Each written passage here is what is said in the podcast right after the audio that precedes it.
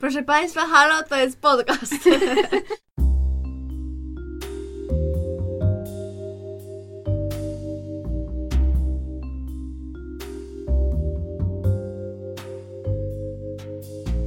Witamy w bliskich spotkaniach szóstego stopnia. Podkaście o popkulturze, ale głównie o zapomnianych filmach. I o Kevinie Baconie. Ja nazywam się Justyna, a ze mną siedzi jeszcze Paulina? Oraz Gosia. Dzisiaj będziemy rozmawiać o filmie Raport Mniejszości z 2002 roku w reżyserii Stevena Spielberga. No, akcja dzieje się w 2054 w Stanach? To jest jakoś dookreślone? Washington. Washington. A, okej. Tak. em, I poznajemy tam. Um, Jezu, jak to powiedzieć? Nie policjanta, tylko. No właściwie. On, mm, No bo oni są takimi Tak, policjantami. no to w zasadzie, po- okej, to policjanta z oddziału prewencji, czyli takiego oddziału, który zajmuje się zapobieganiem zbrodni, które dopiero mają się wydarzyć. Mm, I gra go Tom Cruise, tak. główny bohater, John. Tak jest. Em, no i mają w zasadzie tam taką całą jakby machinę i cały system, jak oni te zbrodnie przewidują i tak dalej, i tak dalej. Nie wiem, czy tutaj napomknąć, jak to się odbywa? Tak możemy powiedzieć po prostu, że są, jest ym, trójka. ja Nie wiem, czy oni są rodzeństwem, bo są bliźniaki, jest. y, Ta dwójka jest i rodzeństwem, Artur, a tak, ta jedna i jest... Agata, Mhm. tak. I ona jest najsilniejsza. I oni właśnie mają wizję tego, co się wydarzy, jak zbrodni, morderstwa głównie. Tak, i leżą w takim specjalnym sobie zbiorniku i, mm, i jakby te, te ich y, prze, przewidzenia, jak to powiedzieć? Nie. Wizje. Wizje, o. Mhm. Mm, Te wizje są widoczne jakby też dla, mm, dla tych policjantów i em, no oni po prostu mogą, mogą jakby ich zapobiegać. Im Tak, bo, bo zapobiegać. tam mają takie, że wychodzą te tam te kulki drewniane, jedna z nazwiskiem ofiary i druga z nazwiskiem jakby sprawcy. I y, I te kolory kulek odpowiadają charakterom zbrodni, bo tam Mhm. czerwone to są zbrodnia tam w pasji, a te brązowe to są z premedytacją, tylko że właśnie oni tam mówią, że już przestały wylatywać prawie te brązowe, bo już ludzie się nauczyli, Mhm. że jakby, że zostanie to przewidziane. No i właściwie za, zadaniem. ym, bo, bo ja będę tutaj mówiła Toma Cruza, bo nie chce mi się już, ale jakby rozpoznaję, że gra postać. I zadaniem jest to, żeby on jakby przejrzał tę wizję za pomocą swoich magicznych rękawiczek i musi jakby rozgryźć, gdzie to się będzie działo i żeby zdołali jakby zainterweniować w czasie i, i złapać osobę, która która to, to zrobi, zanim dojdzie do tej zbrodni. Tak. Chyba tyle wystarczy. Ale to musi, chociaż nie musimy tam jeszcze dalej powiedzieć, co No się tak, dzieje. bo e, nagle wypada nazwisko właśnie bohatera Toma Cruza i okazuje się, że on ma tam chyba za 36 godzin kogoś zabić i zaczyna uciekać, zaczyna się za nim pościg. To stawia pod znakiem zapytania cały ten system tak naprawdę. A, no i może, można wytłumaczyć ten tytuł, że jakby ten raport mniejszości to jest coś takiego, że ten Tom Cruise dowiaduje się, że jakby nie wszyscy ci, nie cała ta trójka ma zawsze te same wizje i właśnie jeśli jeden, jedna z tych tych osób, oni się tam jakoś nazywają, tak, Mhm. To jeśli jedna z tych osób ma inną wizję, to właśnie to się nazywa raport mniejszości i on zostaje usuwany. Bo jakby wtedy poddaje mm, Wątpliwość, jakby Tak, cały, ten system. no bo jakby, bo oni traktują te przepowiednie tak jakby to się zawsze miało stać, no jakby z tego filmu bardziej wynika, że są różne ścieżki, którymi można Mhm. pójść. Bo tam w pewnym momencie, jak e, Tom Cruise tłumaczy bohaterowi Colina Farrella, Colinowi Farrellowi, e, jak działa ten system, to ym, mu podaje przykład tej piłki, czy tej kulki, Mhm. która się toczy i Colin Farrell ją łapie, zanim ona spadnie i właśnie Tom Cruise mówi, że to jest jakby na tej zasadzie, że no wszyscy wiemy, że to się wydarzy, więc on jakby złapał, zanim to spadło, No i to jest tak wytłumaczone, jakby, że to na takiej zasadzie działa, że to jest jakby, że to wszyscy wiemy, że to się wydarzy, więc można zapobiec temu. No, tylko że potem właśnie ten film Mhm. jakby dekonstruuje tą analogię w sumie i cały ten pomysł. E, To teraz możemy przejść do pierwszych wrażeń. Myślę, że może Gosia powiedz, jakie miałaś wrażenia po oglądaniu tego filmu. I pierwszy raz go widziałaś, prawda? Mhm, tak, pierwszy raz. I właśnie jak już wam wspomniałam wcześniej, to on mi się trochę długo... Znaczy, miałam poczucie, że jest to długi film. Nie, że mi się dłużył, że był nudny, czy był jakiś taki dłużyzny, bo w gruncie rzeczy on był taki dosyć jakby naszpikowany akcją. Mm, ale... No, ale właśnie miałam poczucie, że, że trwa te dwie i pół godziny. Mm, I ogólnie no, uważam, że sam pomysł tej jakby całej historii no, jest super i tego znaczy, że to pokazuje jakby takie różne ciekawe mechanizmy pewnie, o których będziemy mówić później. Mm. I tak to! A ty, Justynka? Ja pamiętam ten film trochę z dzieciństwa, że dosyć go lubiłam oglądać, jak byłam młodsza.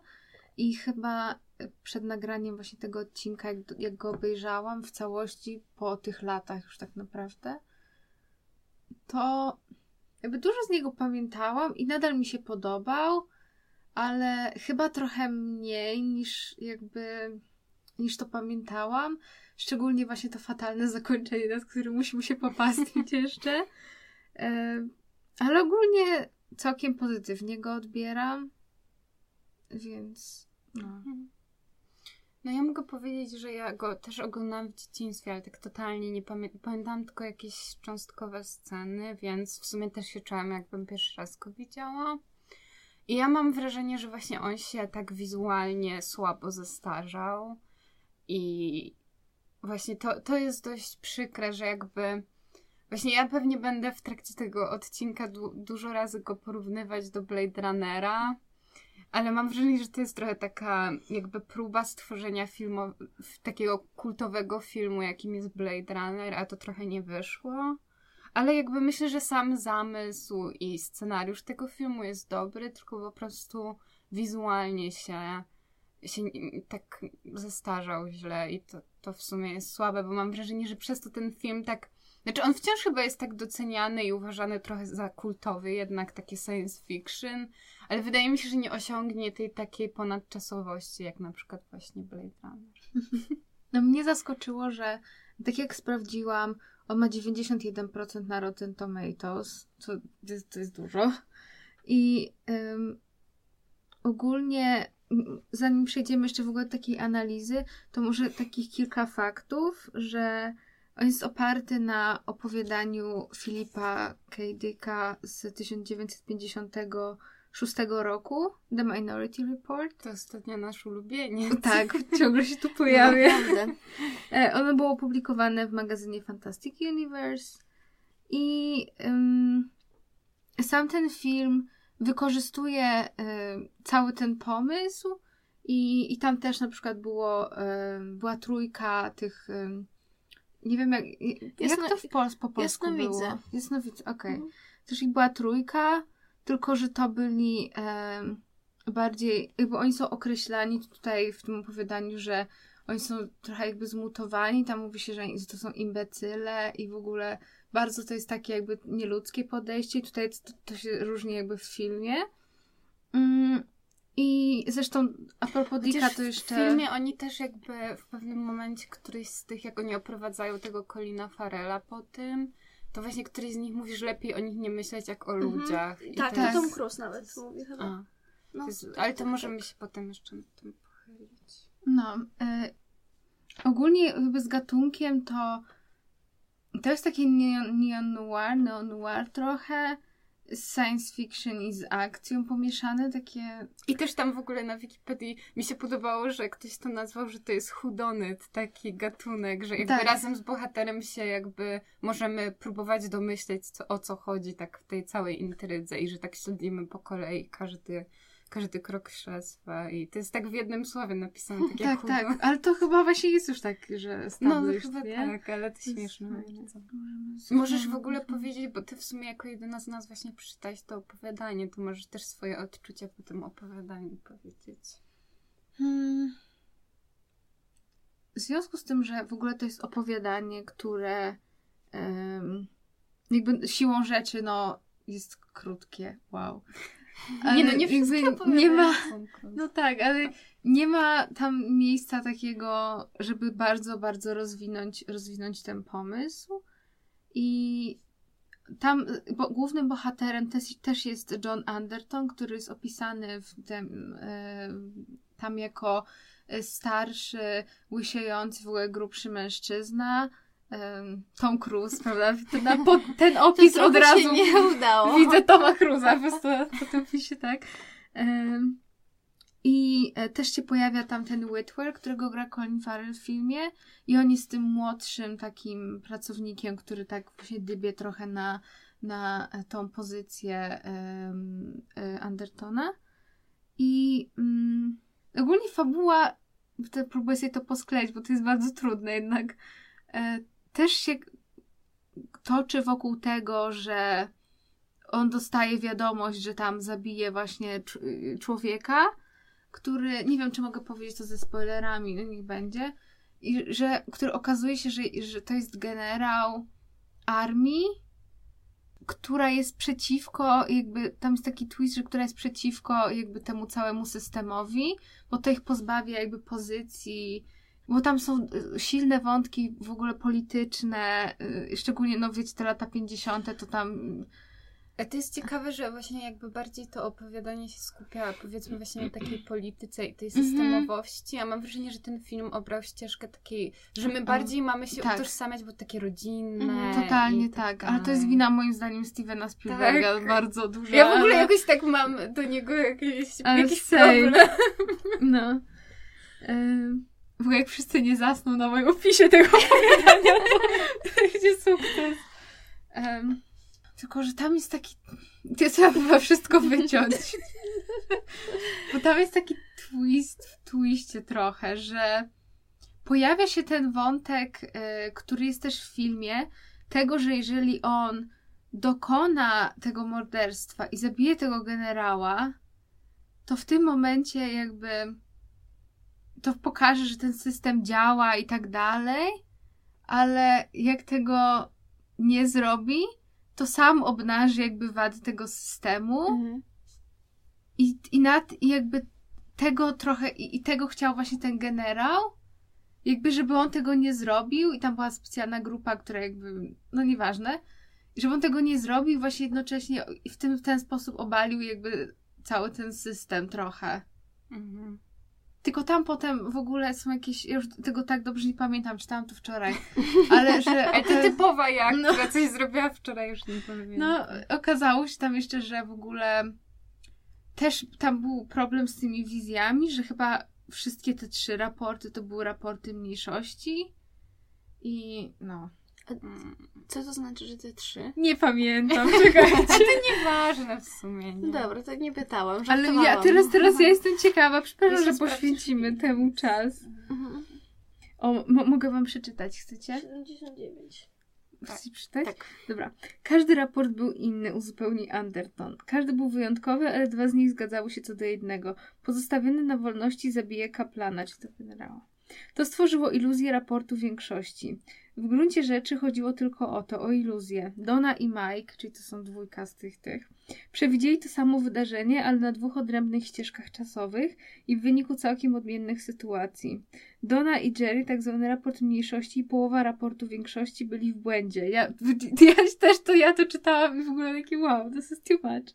Z całej trójki tylko mia- Mike miał rację, dlatego że nie nastąpił po nim żaden raport, który mógł go wykluczyć. To by było tyle. To ja w ogóle nic nie rozumiem. Wydaje mi się, że tam po prostu jakby ta znajomość tego raportu też ma znaczenie, właśnie ten wybór i tak dalej. Nie, ja myślę, wydaje, że to trzeba Nie wszystko ma. wyciąć z tego podcastu. Nie, nie, ale bo to nie, jest bo jakieś to takie... jest ciekawe, tylko że żadne... Ja Nie, bo mam wrażenie- prostu zagłupia na, na dichę. Bo on mam wrażenie, że on strasznie tak kręci, Tak. że, że ten film to jakby zupełnie to uprościł i ten raport mniejszości to był tak, wiecie, wrzucony w jednym zdaniu w tej szklarni, jak Mhm. on rozmawia z tą W Iris. ogóle to było creepy, ta laska. A ja bardzo lubię tą aktorkę, Znaczy, w bo, ogóle to było fajne, ale Tak. ogólnie było mega creepy. bo tak, ja chciałam bo też- powiedzieć, No, no, przepraszam nie, nie, nie, Gosia, mów, mów. ale chciałam powiedzieć, że właśnie ta aktorka Lois Smith, która gra tą doktor Iris, czy, czy jak ona się tam nazywała, i ona grała w ogóle w Na wschód od Edenu z Jamesem Deanem. O, Także to jest persona. o damn. Persona. Ja bardzo lubię ten film. A w ogóle, czy wam się to nie skojarzył ten wątek z nią, z tym... E... Z Blade Runnerem? Nie, nie. Z V jak Vendetta? Ja nie pamiętam tak Ja nie dobrze. oglądałam. Bo tam też właśnie była taka, że była taka laska, która się zajmowała właśnie botaniką i ona też tam miała jakieś takie różne... No, ja to też znowu wspaniale. Po prostu mi się to skojarzyło, że... Ale mi akurat z Blade Runnerem to się też trochę skojarzyło, że jakby to spotkanie z, Mhm. ze stwórcą i tak dalej. No tak. Ale nie, bo Bardzo. mi się bardziej z tym, z tą Vendettą skojarzyło po prostu przez to, że znowu jest ten wątek kwiatu. Mhm. Ale trochę to jest takie bardzo ekspozycyjne, nie? Mimo wszystko, że w sensie to tylko służy temu, żebyśmy się dowiedzieli o tym, że jest coś takiego jak raport Tak, żeby mniejszości. tytuł wyjaśnić. Tak, ale on, że on jest usuwany, ale znajduje się nadal jakby w tej osobie, która Znaczy, w to, tej to, Agacie. to jest na totalnie ekspozycyjne, ale z drugiej strony przynajmniej to się tak broni, że ten bohater też o tym nie wiedział i że jakby Mhm. ten system Tak, samego tak, jego tak. też tak oszukiwał i w ogóle. Nie słuchajcie, Powiem wam, że co ja... Właśnie nie wiem, ale mam wrażenie, że co ja sobie tak bardziej o tym filmie myślę, to jakoś tak... Jak to powiedzieć? Nie, że mniej go lubię, to nie o to chodzi, ale tak jakoś, że... Tak powoli odkrywają się jakieś takie... Nie wady, ale takie... Nie wiem, jak to powiedzieć. Bo naprawdę to jest jakby grzech straszny w ogóle Stevena Spielberga. Ja mam wta- ja, jakby, ja bardzo cenię Stevena Spielberga, naprawdę, bo to jest legendarny reżyser. Ale to, co on ostatnio robi, to przychodzi ludzkie pojęcie. Wszystkie widziałyśmy Ready Player One.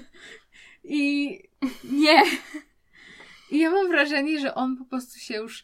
Ja nie wiem, kiedy się skończył Steven Spielberg, ja nie określiłam dokładnie po którym filmie, ale on już tutaj nie był w najlepszym, wiecie, w, w najlepszym momencie swojej kariery. Bo przejdźmy teraz może w ogóle do tego zakończenia, jak już o tym mówimy, bo to... Na początku zakończenie. Może Tak. tak, będzie, Tak. będzie lepiej. W ogóle ono tak do tego, że to niby ma być takie kino noir, tak nie pasuje. I cały film macie po prostu... Ma, totalnie jest klimat Filipa K. Dicka, który no z całą sympatią to też nie... No raczej nie jest znany z pozytywnych zakończeń i takiego, wiecie, feel good wydźwięku No właśnie, no. swojej twórczości. I ten po prostu cały mroczny film, w ogóle ten straszny system, w ogóle moralność, determinizm, bla bla bla. Wycinanie oczu. Wycinanie oczu. Kocham to, naprawdę. I, I nagle po prostu jest zakończenie, gdzie jest y, rodzinka, w ogóle wszystko się tak dobrze skończyło. W ogóle ci jasno widzę w tym domku, w ogóle czytają sobie książki i jest I tak ogóle- miło i przyjemnie i ty myślisz sobie w ogóle, co tu się zadziało? Mnie w ogóle to zszokowała też jakby sama relacja właśnie Toma Cruza i, tej, i jego żony. Jezu. W ogóle to było tak dziwne, bo ona powiedziała, że ona od niego odeszła, bo ten jej za bardzo syna przypominał. Mhm. Potem nagle Elo jestem. Ale wiecie co, ja w się ogóle nie stało, mam więc- wrażenie, że Spielberg nie umie w trudne tematy, bo też jak myślę o tym uzależnieniu od narkotyków, to ono jest jakby... Widzimy tylko parę scen, jak on to, bierze, a jakby i nie ma żadnych konsekwencji z tym związanych, A to- oprócz tego, żeby było widać, że on się stoczył, a Ale potem to w ogóle nie ma żadnego związku, Tak. to w ogóle mogłoby tego I nie potem być. to nie wraca, w ogóle nie ma Albo nic, że tak. on przeżywa jakieś, jak to się mówi, że ma, wiecie... Od, odstawienie. Tak, odstawienie, okej. nic w ogóle się z tym nie dzieje, on nie umie w trudne tematy. Albo nawet postać tego dealera i tak dalej. Jakoś to tak A wszystko w ogóle to tak też ginie. było dziwne. No. To, że to nie ma oczu i w ogóle o co chodzi. Znaczy tak tam też myślałam, ten że- motyw z oczami, tak jak w Blade Runnerze, tylko że gorzej. Boże, ja znowu jestem hejterką. Ale ja się zgadzam, ja się No, zgadzam. ale z nie, mi to, mi to też bardzo przypominało Blade Runnera. Także Mhm. rozumiemy cię. Chciało być jak Blade Runner, ale... No i, i naprawdę, serio, jakby tak sobie tak, tak te, teraz analizuję ten film tak mm, głośno z wami, to tak... Mm, no coś jakoś tak mi tam nie gra. Ale jeszcze jakby wracając Pomysł na jest chwilę... super i w ogóle całość. Ale też pomysł jest Dika, nie?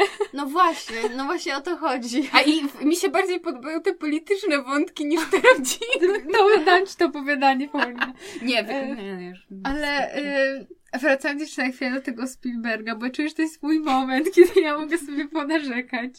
To, bo to jest jakiś wątek w ogóle w jego twórczości, że on, że często jakby u Spielberga jakoś jest ta rodzina, nie wiem, Mhm. nie, i jakby trochę, jeszcze on ma taką tendencję, żeby tak zalewać wszystko tą akcją w, w, w Mhm. raporcie mniejszości. Mhm. Ale ogólnie w Ready Player One exact same problem. E, I, i, I że ja przestaje mi się chcieć jakby w ogóle tam cokolwiek analizować, bo to wszystko jest takie, żeby to było widowisko przede No. wszystkim, że jakby tra- si- siła tej, jakby ta wymowa traci na sile, bo, bo to wszystko jest tak zalane jakby tym, tymi efektami, akcją i tak dalej. Mnie już ta akcja męczyła bardzo. W sensie, może nie bardzo, bez przesady. Ja się jakoś nie męczyłam strasznie na tym filmie, ale umówmy się, że tam jakby. Wydaje mi się, że jak na tyle. W sensie, że ten film jest na tyle. Ma taki potencjał filozoficzny, powiedzmy Mhm. brzydko, a zalewanie go taką ilością akcji to jest problem. Bo też jak w Blade Runnerze właśnie jakby konstrukcja jest dosyć podobna, że mamy tego tak naprawdę takiego everymana, jak to u Dicka chyba. E, I Jak to u Dicka Everymana? Przepraszam. Wow. Taki tendetny żart. No i, Przepraszam. i, i całe, i on prowadzi to, to śledztwo, które jakby trochę jest personalne, ale z drugiej strony dotyczy jakiegoś większego systemu i, i w Mhm. ogóle, nie? I, I rzeczywiście to mógł być Blade, Blade Runner, a jakby nie No, jest. no nie jest. No. Ale tak samo też a w, w, w opowiadaniu, bo mnie to ciekawi całkiem, czy też jest ten wątek tej matki Agaty? Nie, nie, nie. W ogóle mówię to. Y, on się w ogóle tym nie zajmuje. Czy to jest bardziej o raporcie mniejszości, Tak, i o tym zależności? bohaterzy też. W ogóle tam w dodatkach specjalnych do Blu-raya, jak to oglądałam, tam był taki materiał krótki właśnie o Filipie K. Dicku i o tym wszystkim i o tej historii. Tam wypowiadała się jego córka i też wypowiadał się jego biograf, który mówił bardzo ciekawe rzeczy, jak już tutaj jesteśmy, że mm, przede wszystkim, że do tam, do jakby w tamtym czasie mniej więcej jakby zawsze te um, to określa jako ESP, czyli to Extrasensory Perception i w ogóle taka, wiecie, to i to przepowiadanie przyszłości jakby zawsze było dobre i że właśnie w science fiction dopiero jakby Dick tutaj mówi, że no to nie jest do końca dobre i że jest to dosyć problematyczna kwestia i że gdyby istniało naprawdę, to jakby konsekwencje tego, no trzeba zadać sobie pytanie w ogóle, jakie by były i że no to, to naprawdę jest bardzo Mhm. skomplikowana kwestia. I tak samo, że to dopiero jakby na późniejszym etapie twórczości Dicka on trochę bardziej zwraca uwagę właśnie na tak jak na przykład tych precogs tutaj w tym opowiadaniu, gdzie tutaj w tym opowiadaniu oni jakby w ogóle, jakby to nie jest o nich i że dopiero potem jakby on bardziej zwraca uwagę jakby na, na takich bohaterów. Ale też to mi się strasznie kojarzy z tą jego książką Świat Jonesa. To się po angielsku nazywa The World That Jones Built. I Właśnie... A może czy to Lars von Trier pożyczył sobie tytuł The House That Jack Built z tego? Hello darkness, my old Tak.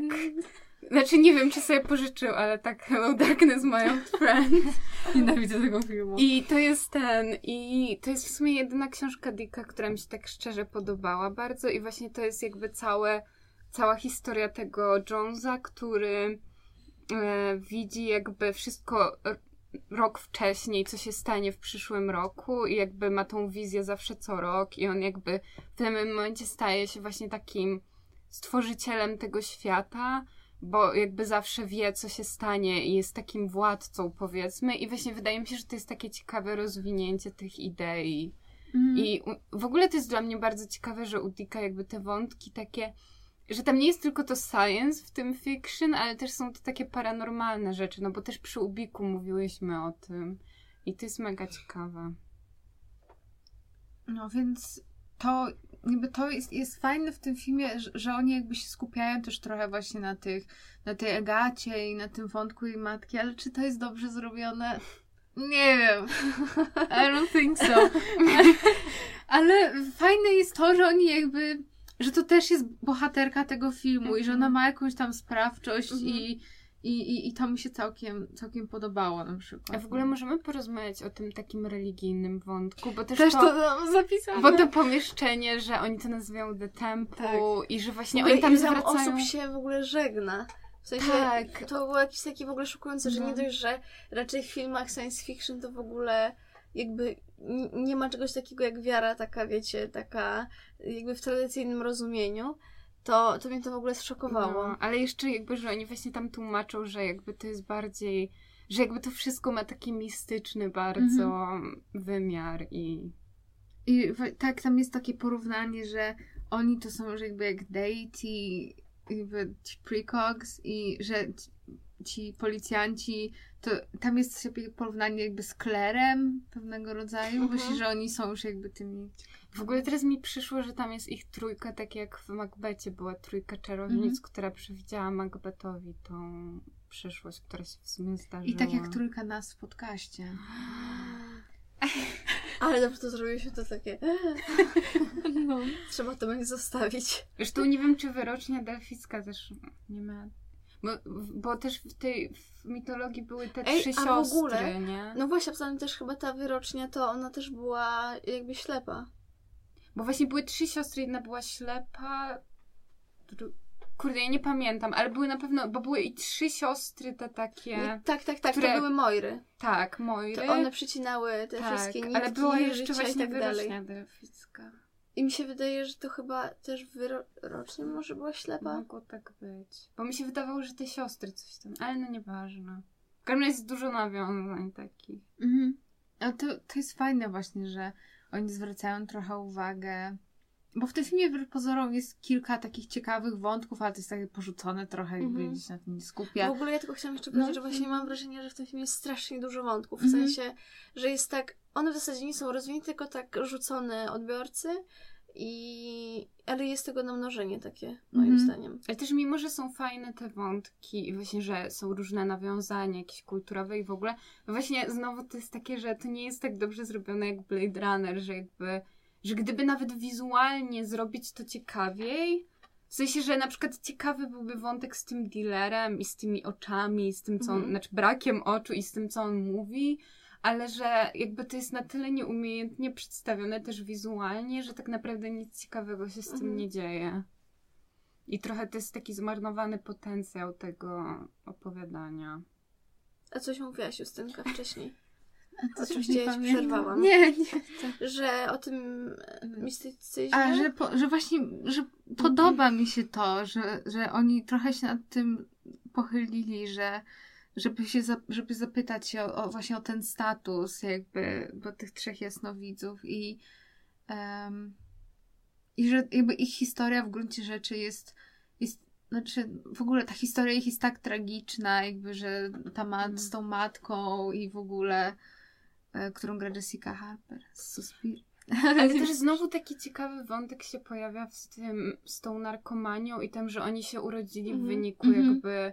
I to też znowu ciekawe, tylko kurczę, jakby to się skupić naprawdę na trzech wątkach, na przykład religia, właśnie ta narkomania i też tego głównego bohatera i czymś tam, nie wiem, Mhm. ta predestynacja i determinizm, to to by było fajne, a tam jeszcze jest ta rodzinność i w ogóle systemowość i to wszystko tak się nie zgrywa ze sobą. Moim zdaniem tam naprawdę rze- rzeczywiście jakby masz rację, że trzeba było znacznie uprościć tą fabułę i w ogóle wywalić wątek z tym Maxem von Sydowem i w ogóle bym to wywaliła, bo to nie jest potrzebne i jakby skupić się skupić się tylko na tym głównym bohaterze i nawet na, to, na tej relacji z Agatą i, i z jej matką, ale jakby wywalić taki szerszy, bo to Mhm. tak samo ten Colin Farrell, no on tam też nie bardzo ma do zrobienia. No tak prawda. samo jak ja jestem wielką fanką Colina Farrella.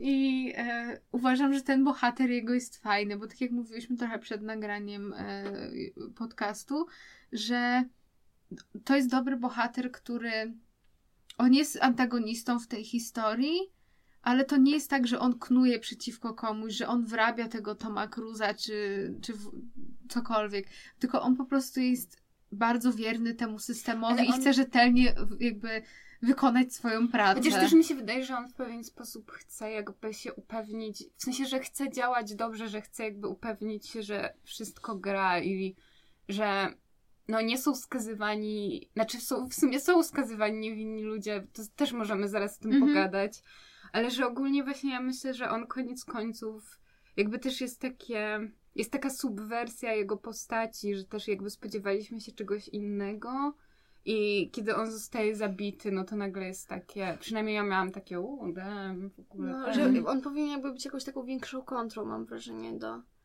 do tego głównego bohatera. No, jest chaos w tym filmie. Ale jakoś nie odczułam tego, jak to oglądałam, ale teraz się czuję Tak, przytłoczona. dopiero przy, przy rozmowie jakoś tak. No, to, to wszystko wychodzi. O, ale okej, to może poruszmy teraz ten temat w ogóle tej moralności, tego e, etyki w ogóle. Znaczy tego, że jakby oni jeszcze nie popełnili Tak. tych zbrodni. Znaczy, bo w ogóle to, że okazuje się, że są... Znaczy też jest jakby jest ten taki moment, że ona mówi, że ty możesz jakby, w sensie do Toma Mhm. Cruza, że ty możesz wybrać jakby, czy to zrobisz, czy nie, masz wybór.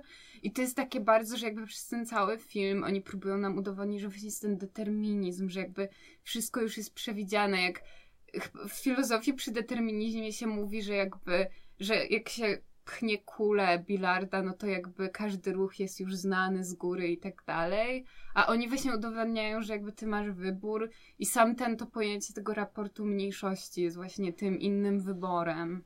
Mhm. Tylko to też jest właśnie ciekawe w tej, perspe- w tej perspektywie, że no właśnie ten jakby Tom Cruise ma wybór, bo on wie po prostu, że jakby co go czeka, No ale to właśnie. właśnie ci ludzie inni, którzy są zaskakiwani jakby no nagle, tak, bo jeszcze nic nie zrobili, a są już jakby... Ale też fakt, że to jest jakby crime of passion i że ludzie przestali popełniać te takie Mhm. morderstwa z premedytacją. I że jakby no, często się mówi w naszym prawdziwym świecie, jak traktować jakby zbrodnie właśnie z pa... Boże, po polsku jak to się mówi? E, w afekcie? Tak, w afekcie właśnie, cały czas z pasją. Jezu. Szewską pasją. Właśnie się, się mówi o tym, że jakby, że, że jest, że coś się dzieje w mózgu, kiedy ludzie popełniają właśnie te zbrodnie w afekcie, że oni nie do końca mają kontrolę nad sobą i że może nie powinno się ich traktować tak samo i w ogóle było parę dokumentów jakby...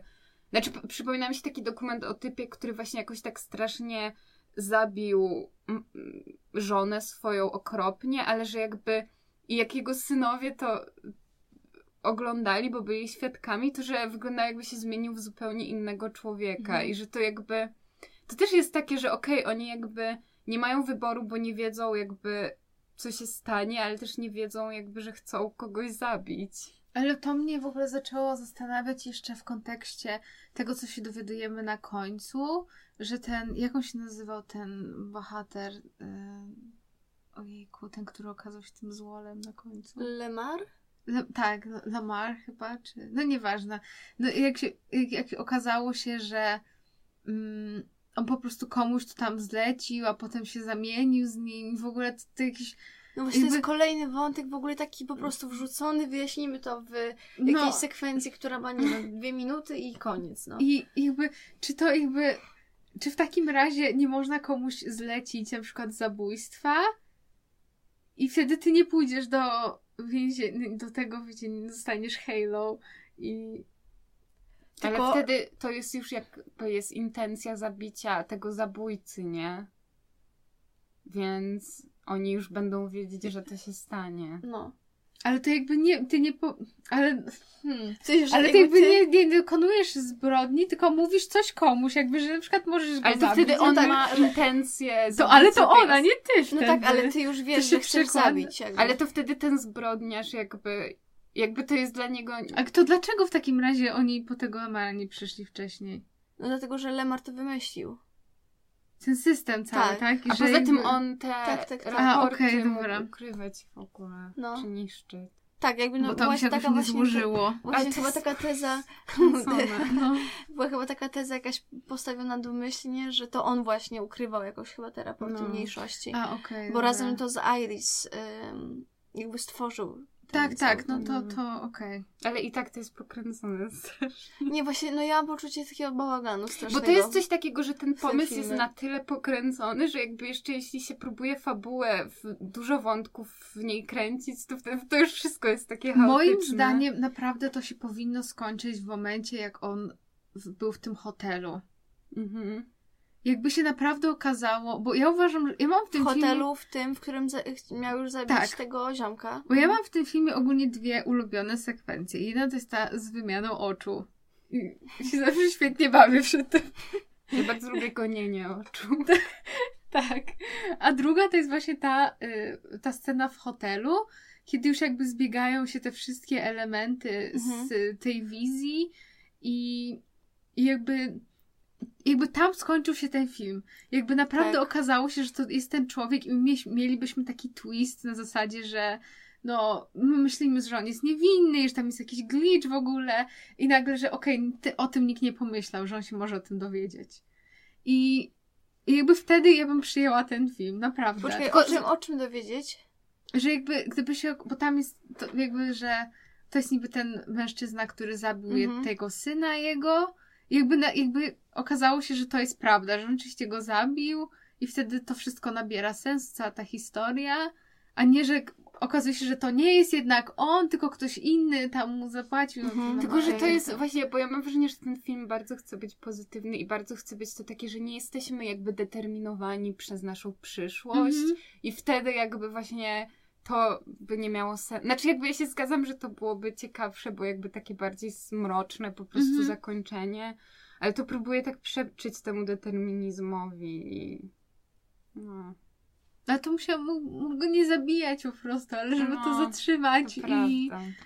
No tak, ale to byłby taki dobry, dobry suspens. No bo mi nie jest naprawdę potrzebna tam dalej ta część tego filmu i tego, że on trafia tam nagle w ogóle do razem z tym, z tą resztą za, zaaresztowanych i nagle ta żona tam się zjawia i go drogą, wyciąga. ja mam taki W ogóle- problem z tą żoną. Ona dla mnie jest przypadkiem jak Gwyneth Paltrow z Seven, że to jest takie... Że to jest No. taki manekin, który stoi, się uśmiecha i mówi, jaki to jest Tak, dobry mąż no. i w ogóle. I że przypomina jej syna, dlatego odeszła od niego. Ale to jest dla mnie w ogóle hit. Bo nie jestem w stanie tego pojąć. Nie.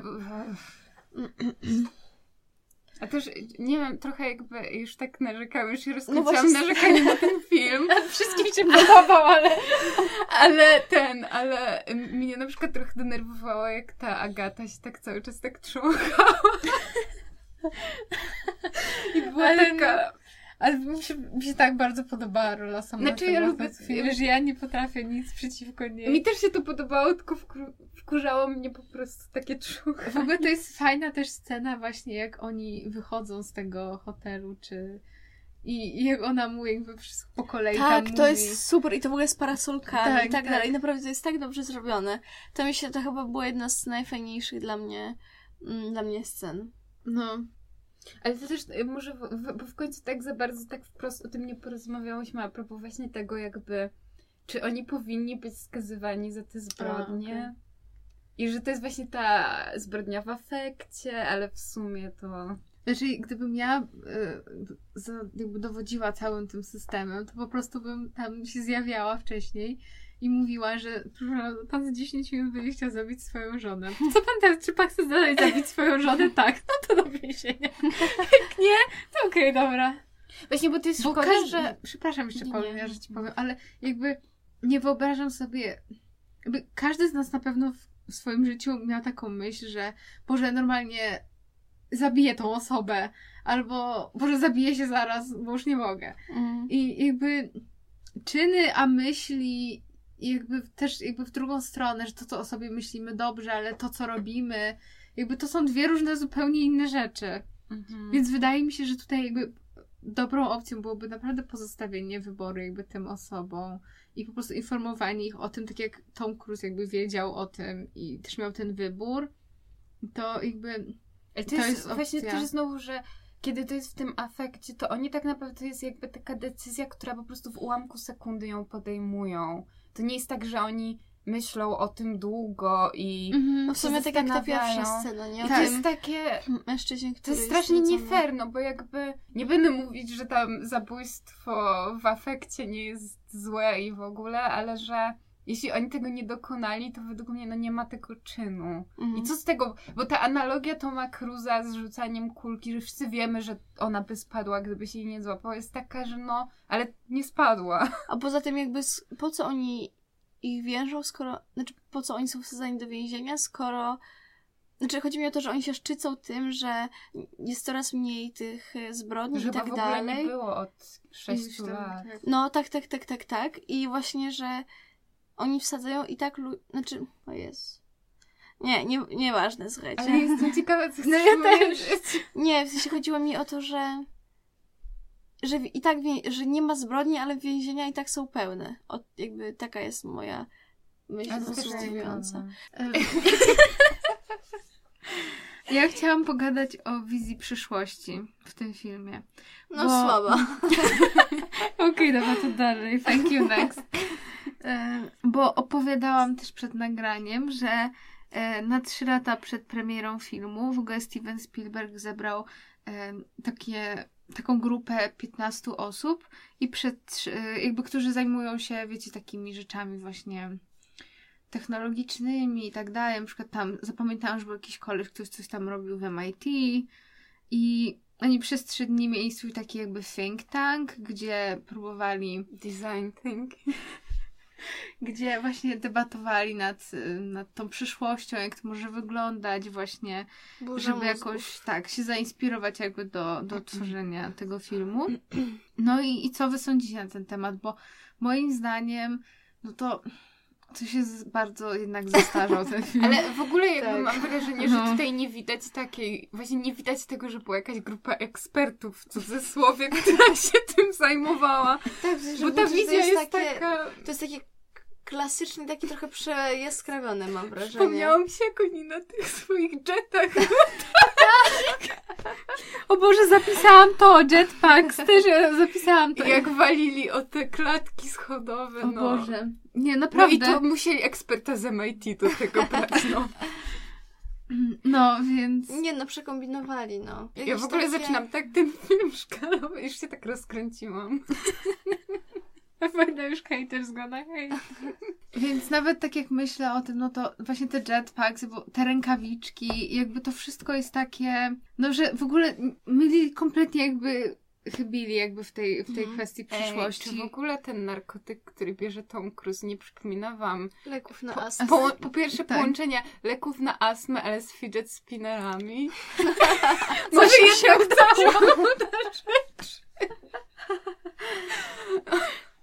Ale... ym, jakby... Ale w ogóle te narkotyki to też dobre. Nie, żeby nikt nie zauważył, to ci dają takie...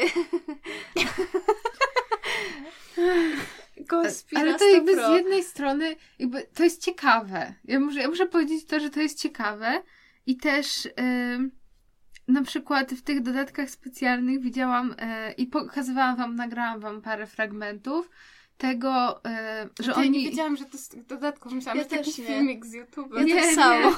że oni jakby stworzyli taką technologię właśnie tej obsługi właśnie w tych rękawiczkach, manipulacji w ogóle, wiecie, tymi obrazami i tak dalej.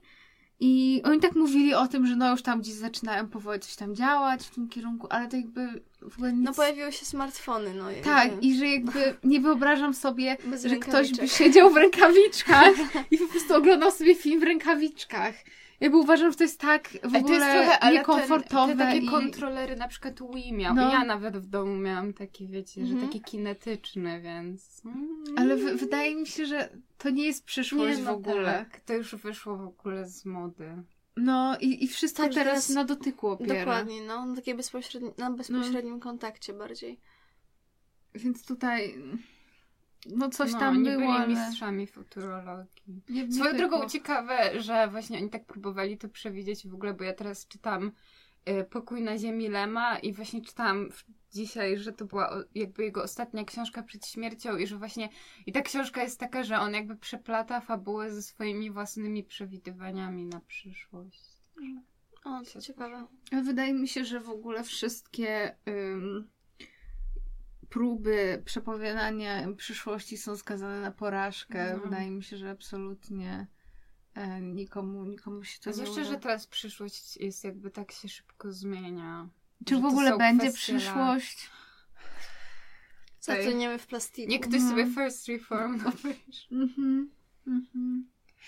Nie, w ogóle mam wrażenie, że teraz jak myślimy o przyszłości, to to jest jakby zupełnie inny...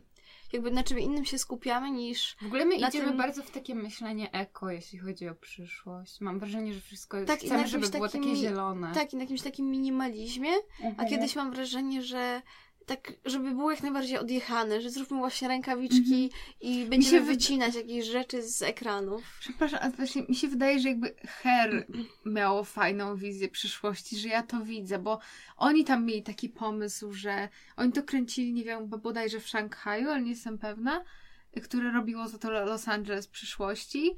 I że jakby z jednej strony wszystko, wiecie, ta technologia tak idzie do przodu i w ogóle, czy ten program właśnie, z którym rozmawia, e, rozmawiał Joaquin Phoenix, jego bohater, ale z drugiej strony jakby w strojach i w ogóle mm, w całym koncepcie jakby tego, jak wyglądają wnętrza i w ogóle, że bardziej postawili na takie rzeczy organiczne i te pastelowe kolory i w ogóle taki Mhm. powrót bardziej do natury.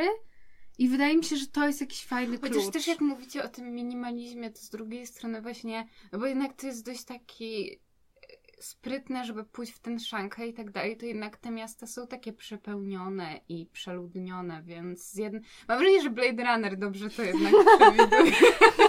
Blade Runner robi wszystko najlepiej. No. Po prostu wszystkie żałuję, się nie obejrzeliśmy Blade Runnera.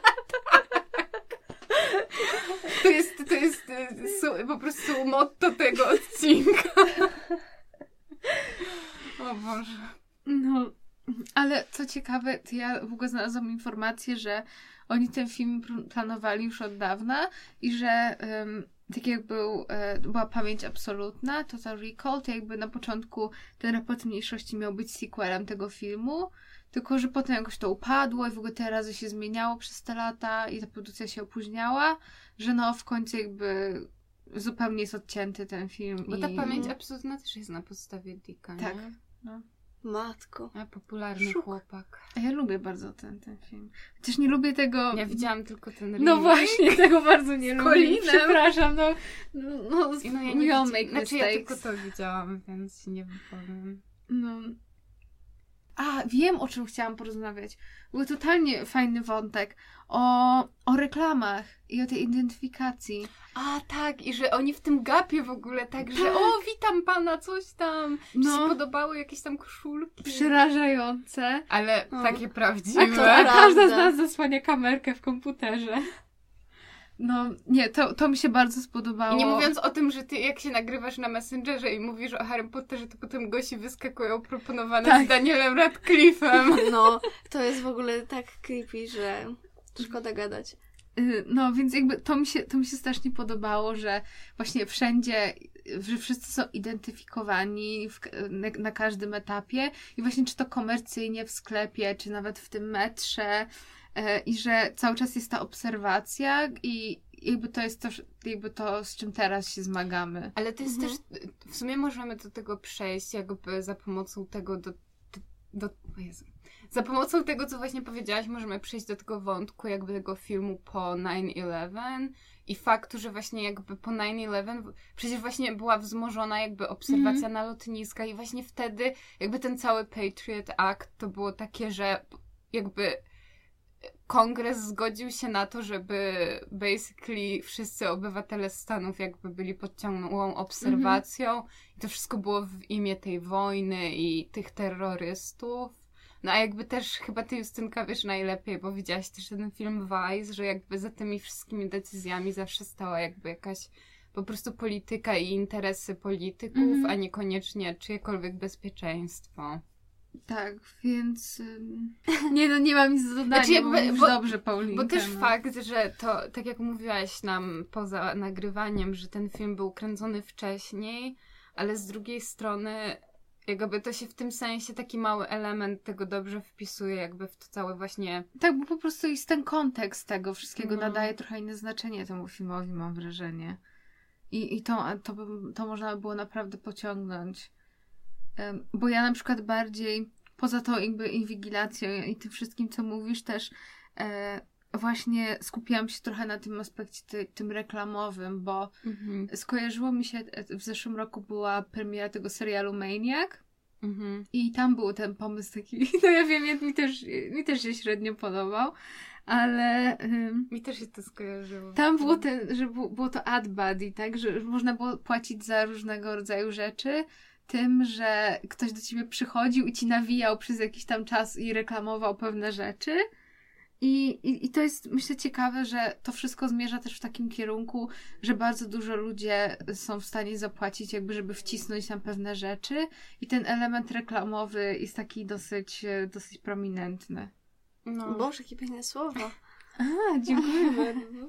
Ale właśnie też mi się wydaje, że, że, że akurat to jest takie bardzo przyszłościowe, że my nawet jakby próbujemy udawać, że wcale jakby te reklamy nie są takie wszechobecne w naszym życiu, bo jakby zawsze się to przedstawia w kulturze tak wizualnie, że nawet tak jak w tym Maniac, że wszędzie są te telebimy i tak Mhm. dalej, ale u nas to jest takie bardzo właśnie, że a tutaj proponowana reklama, co napisałeś w Messengerze, to się zaraz pojawi w jakiejś reklamie obok i to jest takie bardzo... I że niby jest taki jakby pozornie niewidoczny, ale jakby cały czas jesteśmy po prostu... Mhm. Albo Pod jest tak jak wczoraj właśnie reklam. siedziałam w kinie i były reklamy i była reklama Pepsi i tam w pewnym jakieś tam nowe smaki wprowadzali i w pewnym momencie koleś cały czas- powtarzał taki spróbuj, spróbuj, spróbuj, spróbuj, spróbuj i miałam takie, Boże, jakieś, to jest aż tak jakby in your face, że to jest aż podprogowe i strasznie mnie to zdenerwowało i zamierzam bardzo świadomie nie próbować tych smaków Pepsi. Pepsi, nie pozywajcie mnie. Ale no...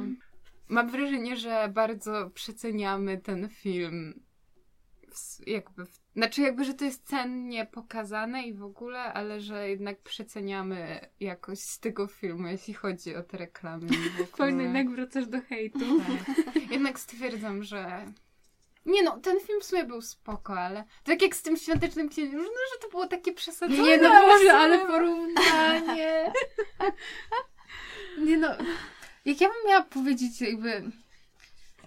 On jest, on ma fajne sceny, naprawdę ma fajne sceny i i ja już mówiłam o tej całej sekwencji było z wymianą oczu i w ogóle to jak te pająki w ogóle tam potem chodzą po tym, jak jest ta kamera taka z góry i oni pokazują jak te pająki właśnie robią skan tym ludziom i to jest bardzo fajne. I pomysł jest fajny. I pomysł też Tak, jest fajny. I nawet jestem w stanie przyznać, że ta wizja przyszłości też jest ciekawa. W jakimś sensie mi się to podoba. Chociaż tutaj muszę zrobić taką małą dygresję, że ja na przykład, y, już pewnie o tym kiedyś mówiłam, że ja na przykład bardzo nie lubię ym, takiej plagi, jaka jest teraz w filmach science fiction, czy wszystkich jakby mówiących o takich, o przyszłości, że to wszystko jest takie właśnie wypolerowane i takie gładkie, że jest takie szkło Mhm. i w ogóle wszystko jest takie minimalistyczne. i- Modernizm poszli. tak, minimalistyczne i piękne, a zawsze mnie bardziej przyciągają takie wizje, które są takie brudne, jakby, że jest dużo kawy, tak jak w Blade Runnerze. I, i no, no se, mówię, mówię No. serio, jak w Blade Runnerze, albo tak, e, świat taki jak w Brazil na przykład. Nawet w tym Maniacu tam są takie elementy jak ala z lat 80., te duże takie, wiecie, komputery i te kable wszechobecne i ten brud taki totalnie. Ale to Wydaje mi się, że to jest bliższe. Też ciekawe, jak teraz o tym mówisz, bo ja na przykład niedawno, zresztą po części z polecenia Gosi, chciałam zacząć czytać Neuromar- Neuromancera Williama Gibsona. I właśnie to jest książka, która jest takim cyberpunkiem neo-noir. I autenty- i to jakby to było niesamowite, bo ja przerwałam czytanie tego, bo było trochę za bardzo mroczne dla mnie, ale jakby, że to była książka, która nawet bardziej niż ten film właśnie, niż różne filmy, które widziałam, jakby przekazywała wizualność i właśnie brud No i ciemność brud, tego no. świata. Mhm. Tak. I to jest dość jakby niesamowite. Jakby niekoniecznie chcę to czytać teraz, ale jakby mega doceniam taką umiejętność zrobienia tego w książce, bo jakby ja też jakby często mam problem z wyobrażaniem sobie dokładnie tego, co jest opisywane w książkach, Mhm. a tam to było takie bardzo dobrze zrobione. Gosia, czy ty jakieś masz przemyślenia na temat Neuromancera? Nie, właśnie niestety ja nie pamiętam, z chęcią bym go przeczytała jeszcze raz, bo już go strasznie dawno temu czytałam. A jak Ci się podoba estetyka przyszłości? W raporcie mniejszości. Średniawka. No średnia. Znaczy, Dupy nie urywa. nie, chociaż faktycznie ciekawe jest to takie zestawienie takiego mm, takiego jak to się mówi, takiego da- downtownu, w sensie tego, tak jak na przykład on biega po tej dzielnicy, gdzie tam, e, gdzie tam umywa się z dealerem, albo mm, jak właśnie jest w tym hotelu.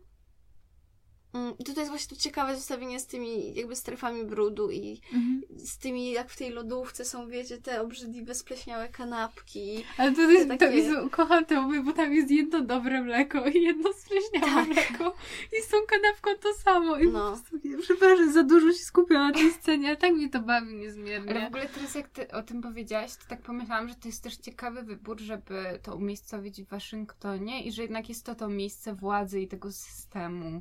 Więc Tak, to znowu jest kolejny jest w. Nowym Jorku chyba. To jest kolejny wątek i rzucenie go. No i jakby Mhm. okej, teraz jak o tym gadamy, no to ja myślę sobie, o faktycznie jest analogia między tą systemowością a Waszyngtonem i tak dalej. Ale to jest na tyle nierozwinięte, że jakby mam wrażenie, że to traci też na wartości, no bo jaki w sensie inni widzowie nie siedzą potem dwie godziny i nie rozmawiają o tym. Więc No. nie wiem, czy jakby to jest dobrze przeprowadzone. Szczególnie, że ja na przykład w ogóle jakoś nawet nie pamiętałam, że to jest w Waszyngtonie się dzieje akcja. Moim zdaniem oni naprawdę po prostu przehandlowali całą filozofię i, i głębsze przemyślenia. Na rzecz Na- historii na rodziny. rodzinnej. Ro- I akcji przede wszystkim, Tak. takie i widowiska całego Mhm. tego filmu. Ale ja wciąż nie mogę jakoś wybaczyć tej Cruza. zmarnowanej, w sensie, że po co w ogóle wstawiać ten wątek tej narkomanii, po co? I że albo można fajnie to pociągnąć Tak, ja coś z tego się. zrobić, albo temu Tak. spokój i po prostu Tom Cruise, nie wiem, poświęca się pracy czy cokolwiek. Bo oni tam trochę jakby zaznaczyli, że ten bohater ma być taki właśnie zmęczony życiem i w ogóle taki zniszczony, ale no ale, Ale nie tak jest. bardzo, żeby w tym filmie Ale to to jest miało drogą właśnie, że, że ten Tom Cruise ma być jakimś tam wypalony, żona go zostawia i tak dalej. I, Ma ogląda, chatę, I ogląda te w ogóle filmy z tym Jest dzieckiem. w, ale jest w ogóle Tomem Cruise'em w swoim prime time, kiedy jest tam jeszcze młodziutki i w ogóle wysportowany i tak dalej. I tak naprawdę, no jakby on nawet wizualnie w ogóle się jakoś nie wpisuje w tą historię. Nawet Tak. jak mówi, mienili oczy. Nawet jak ten zgryzł mu te zęby krzywe, to... To mi przypomina, nie wiem, ale muszę to powiedzieć, to mi przypomina sytuację z Mumii. Kiedy w Mumii tam ewidentnie ta rola jest napisana dla kogoś młodszego i obsadzony tam jest Tom Cruise i ty masz takie, że what? I, ja, ja nie wiem, ja, ja lubię ogóle Toma. Cruza, przepraszam, ja go lubię, ale Ja nie wiem, ja mam problem z lubieniem go, a jednocześnie mam problem z nielubieniem go przez to, że jest scjentologiem. Ja nie wiem, jak się czuję. Ale to ja, ja, ja dokładnie mam te same odczucia, ale, mm, ale on jest dobrą gwiazdą filmową, w sensie Tak. chodzi mi o to, że on po prostu umie sprzedać pewne rzeczy w, w swoich filmach. Chociaż mam wrażenie, że był Mm. taki okres, że naprawdę ludzie mieli problem z tym, że on tak z tą scen... Bo on miał taki crazy Tak. okres, zwłaszcza z tą Katie Holmes. A co on robił takiego? Na przykład on w ogóle jakoś tak... ja jestem nie w temacie. Są takie filmiki, kiedy on się tak dziwnie zachowuje w różnych talk show, mówi jakieś dziwne rzeczy, albo tam u Oprah w ogóle skacze na krześle, Ja albo poproszę o ten, ja poproszę się tak na... crazy śmieje. Ja to wrzucę na fanpage'a i wyślę ci wcześniej ten, bo, bo on naprawdę miał taki crazy okres, a ostatnio jakoś tak wrócił do łask. Mhm. No i też muszę przyznać, że mi się to ostatnie Mission Impossible Mi bardzo też. podobało. Mojej mamie się też mega podobało. I cały czas do mojego brata, jak ostatnio było, że tak, no ale musisz obejrzeć to Fallout, bo to fajne było. No, nie, no kurczę, ja mam duży problem z tym, ale no, to nie, nie, nie ma wyjścia z tej sytuacji, ani odpowiedzi na to, co z tym zrobić, więc chciałam jeszcze o dwóch rzeczach wam powiedzieć. Po pierwsze, w ogóle o zdjęciach i jak ten film wygląda, bo oni tam e, w ogóle zdjęcia robił Janusz Kamiński. Polskie akcenty. Jak zawsze. A to nic jak Patrick Wilson, największy polski akcent. Tak, więc tam. Nie, to nie wiem dlaczego teraz nagle poczułam, że się zaśmiać, ale. ym, I on tam.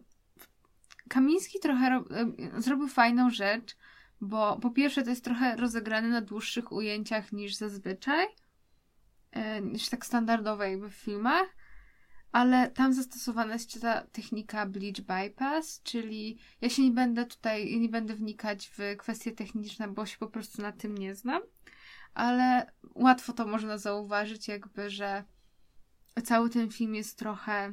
Jest taki efekt, który daje takie wrażenie, że ten film jest trochę wyprany z kolorów i że to jest em, czasami takie przepalone i że ta, tam jest taka desaturacja, jakby, że to jest prawie już zahacza trochę o taką czerń i biel.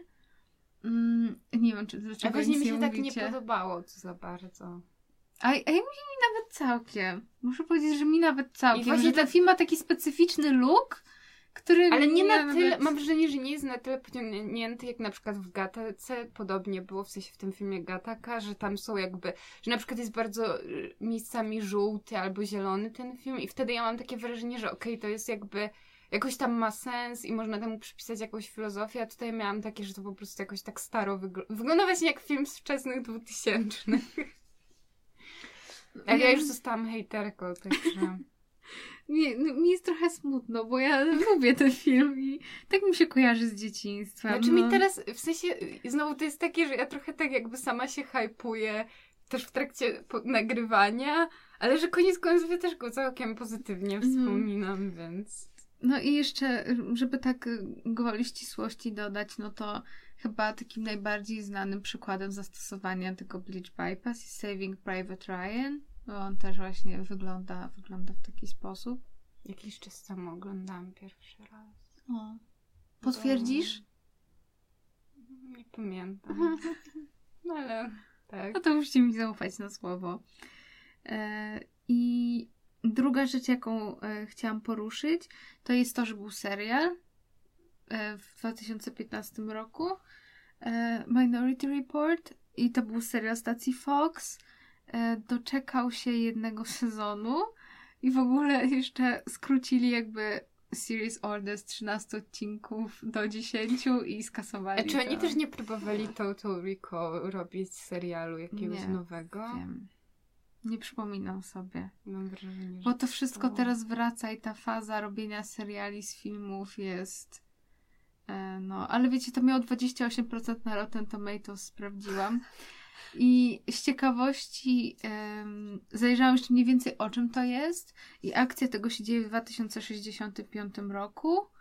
I że jakby nadal jeden, jakby, czy, czy, czy bliźniacy, czy jeden z nich, nie wiem, że mają jakieś tam jeszcze te wizje trochę. I jakby wokół tego się jakoś tak osnuwa ta, ta akcja. Ale w ogóle... Po filmie się dzieje. Bo też jak myślę o tym ekranizowaniu Dicka, to jestem bardzo ciekawa. Jest teraz taki serial Philip K. Dick's Electric Mhm. Dreams. Jestem bardzo ciekawa, co to w ogóle... Bo ty chyba Ja jest nie jakieś... mam pojęcia w ogóle nic o tym, nie wiem. Ja też za bardzo, ale jakoś tak w ogóle nic o tym nie słychać, ale ludzie to jakoś tak oglądają, więc musimy sprawdzić, co, to, co, się dzieje. Co w trawie pisze? Jeszcze chciałam narzeknąć na ostatnią rzecz, że właśnie jak, też jak mówiłaś, teraz sobie tak myślałam, że znowu na przykład jak jest tych motyw tych oczu, to że na przykład jak go masz w Blade Runnerze, to tam są jakby konkretnie, jakby że ten motyw odpowiada konkretnym rzeczom jakby z, jakby z fabuły, to znaczy, że na przykład, że jakby tego motywu Boga i tak dalej, że to wszystko się składa, a mam wrażenie, że tutaj to jest rzucone jako coś, co macie tak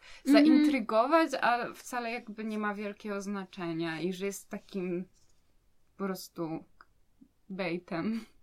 Czy to jest jakby po raz kolejny jakby to jest dobry film, ale masz to jednak poczucie, że tam można by było parę rzeczy po prostu poprawić No. i to byłby znacznie lepszy film.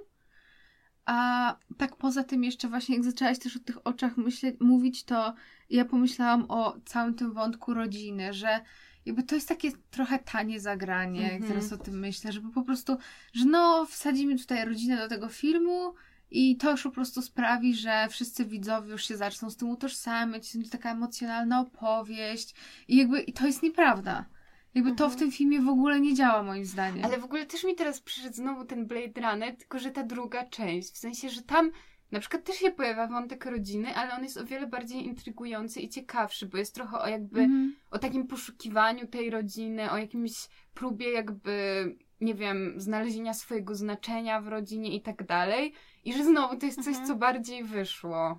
Tak, a tutaj jest po prostu, wrzućmy jakąś, jak to się mówi, taką e, ckliwą, o, Mhm. ckliwą historię i tak dalej i w zasadzie to, o, No. że temu zginęło, zginęło dziecko, tutaj jakiś historia z matką. Ja ta żona mnie wciąż I w ogóle to, że ten wątek z tego syna w ogóle nie zostaje rozwiązany Nie, to też jest w ogóle takie z dupy totalnie, moim zdaniem. To już w ogóle.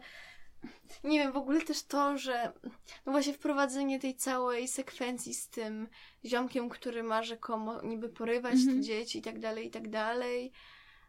A że on tak udaje. Nie wiem, strasznie mnie jakoś tak to rozbija właśnie to, że oni się tak chwytają czegoś i po prostu to tak potem odhaczają sobie i no to przejdźmy do kolejnej Mhm. sceny. I nawet ta scena, kiedy ta Agata opowiada, jak mogłoby się potoczyć to życie ich syna, to nawet to, To dla mnie nie robi żad, Mhm. żadnego wrażenia na mnie. To prawda. No. To, to nie, jest, nie jest dobrze pociągnięte w ogóle, bo jakaś jest w tym wszystkim taka obojętność, jakby w ogóle mnie jako widza wobec tego, co się dzieje na ekranie, Mhm. która nie wynika z tego, że to było przemyślane. No bo są czasami takie, y, takie historie, kiedy jakby ty masz się w ten sposób czuć, że to jest trochę obce. A tutaj po prostu dla mnie siadło to wszystko jakoś i nie jestem w stanie się tak zaangażować jakby tylko, tylko na tym etapie takiego, że o, no to było fajne, to było cool, ale Mhm. jakby tylko na tym Mhm. etapie jakby to dla mnie działa, na takim poziomie, ale zupełnie nie czegoś więcej, że ja jestem zaangażowana Po nagle w tą ten historię. film jakby jest takim ma taką w sobie elementarną przyjemność, że są elementy, które się podobają, ale że Mhm. jako całość jest bardzo nierówny. Bo na przykład też mi się całkiem podobał ten wątek hakera i w ogóle, ale no jakby co z tego, jeśli całość była taka mech. Mm. Aczkolwiek no jakby znowu wraca mi to, że jakby dobrze pewnie będę to wspominać i aczkolwiek no jak się tak przyjrzeć temu pod mikroskopem, to tak coraz słabiej. No ja w ogóle jeszcze jestem tak zagubiona w tej historii, że ja już jakbym próbowała teraz e, odtworzyć wszystko, co się wydarzyło, kto, No co, jak, gdzie, to ja... wątków. I to, i to jest, ja nie mam też takiego poczucia jak w Blade Runnerze, że to ma sens. Ja czuję, że jak ja bym zaczęła kwestionować pewne rzeczy, Mhm. to by się mogło trochę posypać. Bo Ale- w ogóle z, znowu to fakt, że jakby, że ci jasnowidze są dziećmi narkomanów i znowu to wraca, ale to tak naprawdę jest takie, że znowu można zrobić ciekawą opowieść z tego, jakby, że jakby trochę inny los dzieci narkomanów niż znamy w prawdziwym życiu, że oni Mhm. jakby, że to im nadaje czegoś, ale jednocześnie to jest dla nich jakaś klątwa i ten dar i no, tak to jest dalej. ciekawe bardzo. Tak. Można zrobić 10 dobrych filmów W zasadzie tylko o z tych tym. No. jakby różnych elementów. Słuchajcie, no wiadomo, że my byśmy najlepiej zrobiły i Wiadomo. Harry'ego Pottera też byśmy najlepiej zrobiły. No to co, może tak powoli kończymy. Zwijamy się, już nie, nie, nie gadamy nic więcej na temat um, Stevena Spielberga No. i jego fatalności ostatnio. Mm, już nie ma. Po Ready. Player One już nie mam tutaj, nie będę już... This. To ja mogę, mogę powiedzieć o Potterze. Harrym Potterze. Bardzo właśnie Proszę bardzo. To się bardzo jakby zgrywa z tymi przepowiedniami, które się znajdują w Harry Potterze i one właśnie, J.K. Rowling je też tak napisała, że jakby one zostają wypowiedziane na przykład i jakby istnieją w fizycznej formie, ale tak naprawdę dopiero my im nadajemy znaczenie. I tam jest taki wątek, że jakby, że jest przepowiednia, że, że jeden nie może przeżyć, jeśli nie, jeden nie może żyć, jeśli drugi przeżyje i chodzi o to, że Harry musi zabić Voldemorta albo Voldemort Harego. Wszyscy już znają tą historię. Ale w każdym, That's so funny. i w każdym razie jest coś, jest coś takiego, że, dopi- że Voldemort jak usłyszał tą przepowiednię, to jakby poszedł zabić Harego i jakby to zrealizowało tą przepowiednię i jakby nie udało mu się, ale ta przepowiednia wtedy musiała być jakby wykonana. Że to on dopiero nadał znaczenie i że my też mamy wybór jakby trochę nie grać w tą grę. Mhm. Na przykład to jest dość przeciwnie, jak w Macbecie właśnie jest coś takiego, że on co by nie robił, to nie ucieknie od przepowiedni, a tutaj mamy właśnie tak i w Harry Potterze i tutaj, że, że można zawsze podjąć jakiś wybór i nic nie jest zdeterminowane, także to jest połączenie z Harry Potterem, shoutout do profesor Trelawney i Emmy Thompson, która ją gra. Także no. Czy mamy Kevina Bacona? Oho. Paulina dajesz. Bo ja nie spocznę. Nie, Bo najpierw mi się po, pokazało, że przy jakimś filmie Dead Man Down niby byli razem, ale tam jest tylko Colin Farrell. Zostałam okłamana. Czuję, że ten podcast będzie pełen takiego... Słuchajcie, wyszło Six Degrees of Kevin Bacon. A, mówiłam. To połączenie. Dobra, ktoś... A nie, bo tutaj jest, że Colin Farrell w Phone Booth z Kieferem Sutherlandem, który we Flatliner z Kevinem Baconem. W następnym odcinku porozmawiamy o filmie Columbus z 2017 roku. Nie pamiętam, kto wyreżyserował, ale obejrzymy i pogadamy i będzie ciekawie. Więc bądźcie z nami. Subskrybujcie, komentujcie. Lajkujcie, koment... Nie, ty już powiedziałaś komentujcie. Tak. Mm. I tak na Facebooku. Na Na maila, na, YouTube. Ja, ja zawsze ja mówię, że na maila to nikt, nikt mailów Ale nie... ja, ja podam 6 Nic maili nie cyferką 6 kropka stopnia małpa gmail. Gmail. Ale można także Kropka napisać na. Messengerze, to wtedy nie trzeba Tak. zapamiętywać tego Szybko maila. odpiszemy, bo, bo my lubimy I tak nie mamy co do roboty. Mamy ferie, także mamy czas na odpisywanie. No. Także dziękujemy e, i mówiła do Was Justyna. Paulina. Oraz Gosia. Papatki.